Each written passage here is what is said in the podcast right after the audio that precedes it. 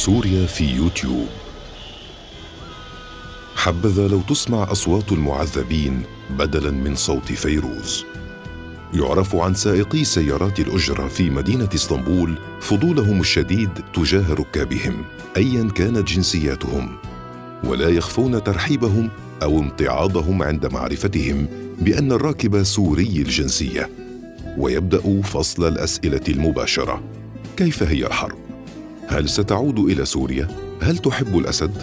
الأسد ليس قاتلا أليس كذلك؟ هل تحب إسطنبول؟ ما هو رأيك بأردوغان؟ وعادة ما يتلقى السائق الإجابات نفسها من الركاب السوريين والتي تضعها الغالبية في قوالب الدبلوماسية. طالما أن هذه الإجابات تتعلق بتركيا وبرأيه السياسي طالما يتعلق الأمر بسوريا والإجابة الأكيدة هي نعم سأعود في أقرب فرصة. قبل أيام حاول سائق سيارة الأجرة تغيير الطريق المعتاد إلى آخر. يستغرق وقتا أطول وتاليا مبلغا أكبر. انتبهت وصححت له الطريق شارحا له أنني أسلكه وأعرفه جيدا. فقال يبدو أنك تحفظ إسطنبول. سألت نفسي ساخرا أليست ثماني سنوات كافية لأحفظ طرقها؟ دفعني السؤال لمشاهدة عشرات التسجيلات المصورة لشوارع دمشق عبر منصة يوتيوب. منذ سنوات تنتشر مقاطع مسجلة لكاميرا تمشي في شوارع سوريا دمشق وحلب وحمص وغيرها بعناوين جذابة تلعب على وتر الحنين للغائبين عن بلادهم منذ سنين.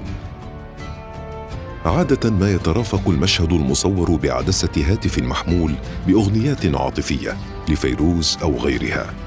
تنقل شكل الشارع في تلك اللحظة فحسب. لا ما قبلها مهم ولا ما بعدها. المكان والزمان محجوزان بشكل كامل لحنين ما عاد ينفع. ولا يطعم خبزا للجائعين في تلك الشوارع. والمستبعدين عن الدعم الحكومي. ولا للغائبين الواصلين إلى مرحلة النفور والقرف من أخبار بلاد ما عادت بلادهم. وإن كانوا داخلها أو خارجها فالأمر سيان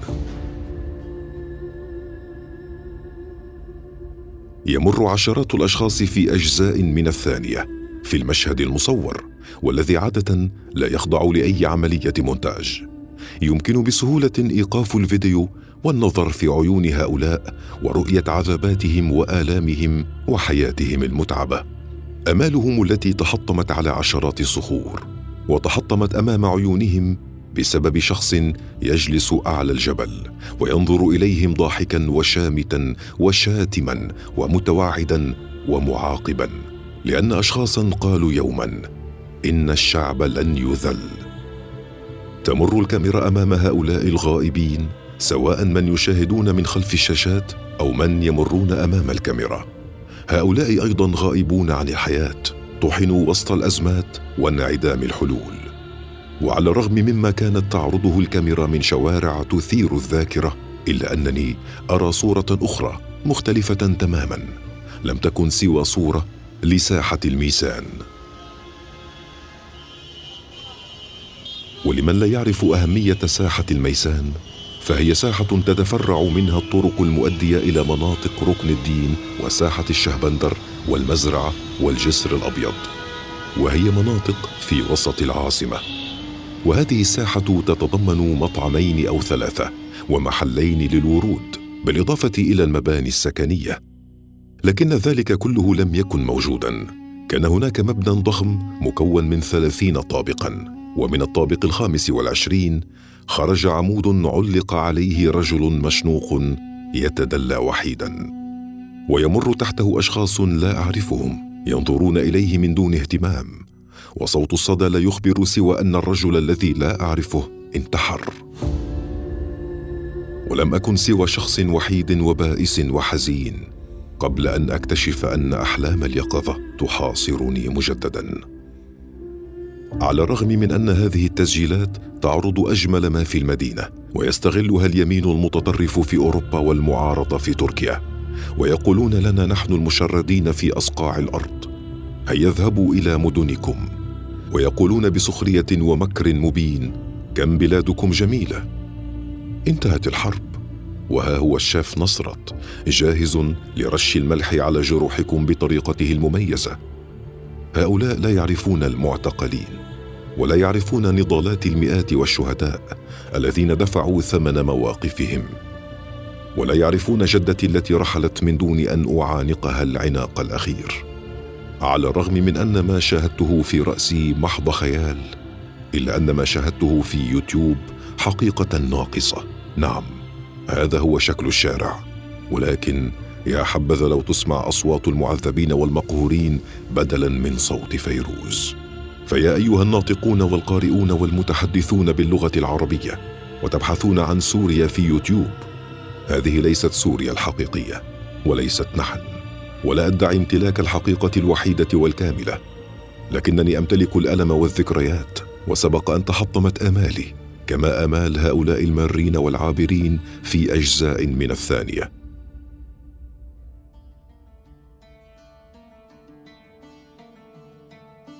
في مقطع تسجيلي لا يبتغي صاحبه غالبا سوى جني الأرباح منه. أعرف أن قلوبكم ترنو إلى دمشق. وتدعون في صلواتكم لها بالخلاص. لكنني أعرف أن الكثيرين منكم يا أحبائي يقولون صلاتهم بطريقة خطأ فتضل طريقها. عليكم تحديد الخلاص ممن؟ دمشق. هناك لا تنبض بالحياة. وما ترونه ليس سوى وجه كاذب وشاحب لمدينة في العناية المشددة. لا خدمات فيها والإنترنت سيء والكهرباء تخضع لسطوة التقنين فتزور السوريين ساعات معدودة وقليلة يوميا. وغلاء الأسعار فاحش لا يناسب سوى أصحاب المليارات. الحقيقة هي ما شعر ويشعرون به السوريون الخوف والألم وانعدام الأمل. هي شعور الخوف من اليوم ومن الغد. ربما تبدو دمشق وحمص وحلب ودرعا وحماة والمدن كافة. في عيون العنصريين والمعارضة وبعض المحبين مدنا حية لكنها ميتة في نفوس مئات آلاف السوريين المنتشرين في أصقاع الأرض. امتلكوا يوما ما الحلم والأمل. قبل أن يسرقه دكتاتور المهاجرين وصبيانه من الموالين له أو بعض من ارتدوا أقنعة المعارضة بأشكالها كافة الإسلامية والليبرالية والمحافظة إلى آخره. وأهدوه شعاره المضحك الأمل بالعمل. لا أطالب أحدا ما زال داخل البلاد بالصراخ ولا بالاحتجاج ولا بفعل أي شيء. لا يحق لي ولا لغيري المزايدة لكن يمكنني طلب التفكير مرتين منكم. قبل أن تنزل دموعكم في غير مكانها أو تتعاطفوا مع بلاد ما عادت بلادنا وربما لم تكن كذلك أصلا. لا أطلب منكم ألا تتعاطفوا مع أشخاص حزانة وأمهات ثكالى يعيشون في بلاد الكوابيس. لكن لا تتعاطفوا مع القاتل ومن يشجعه على القتل. لا تخدعوا بشعارات آمنا بها وهي حق يراد به باطل.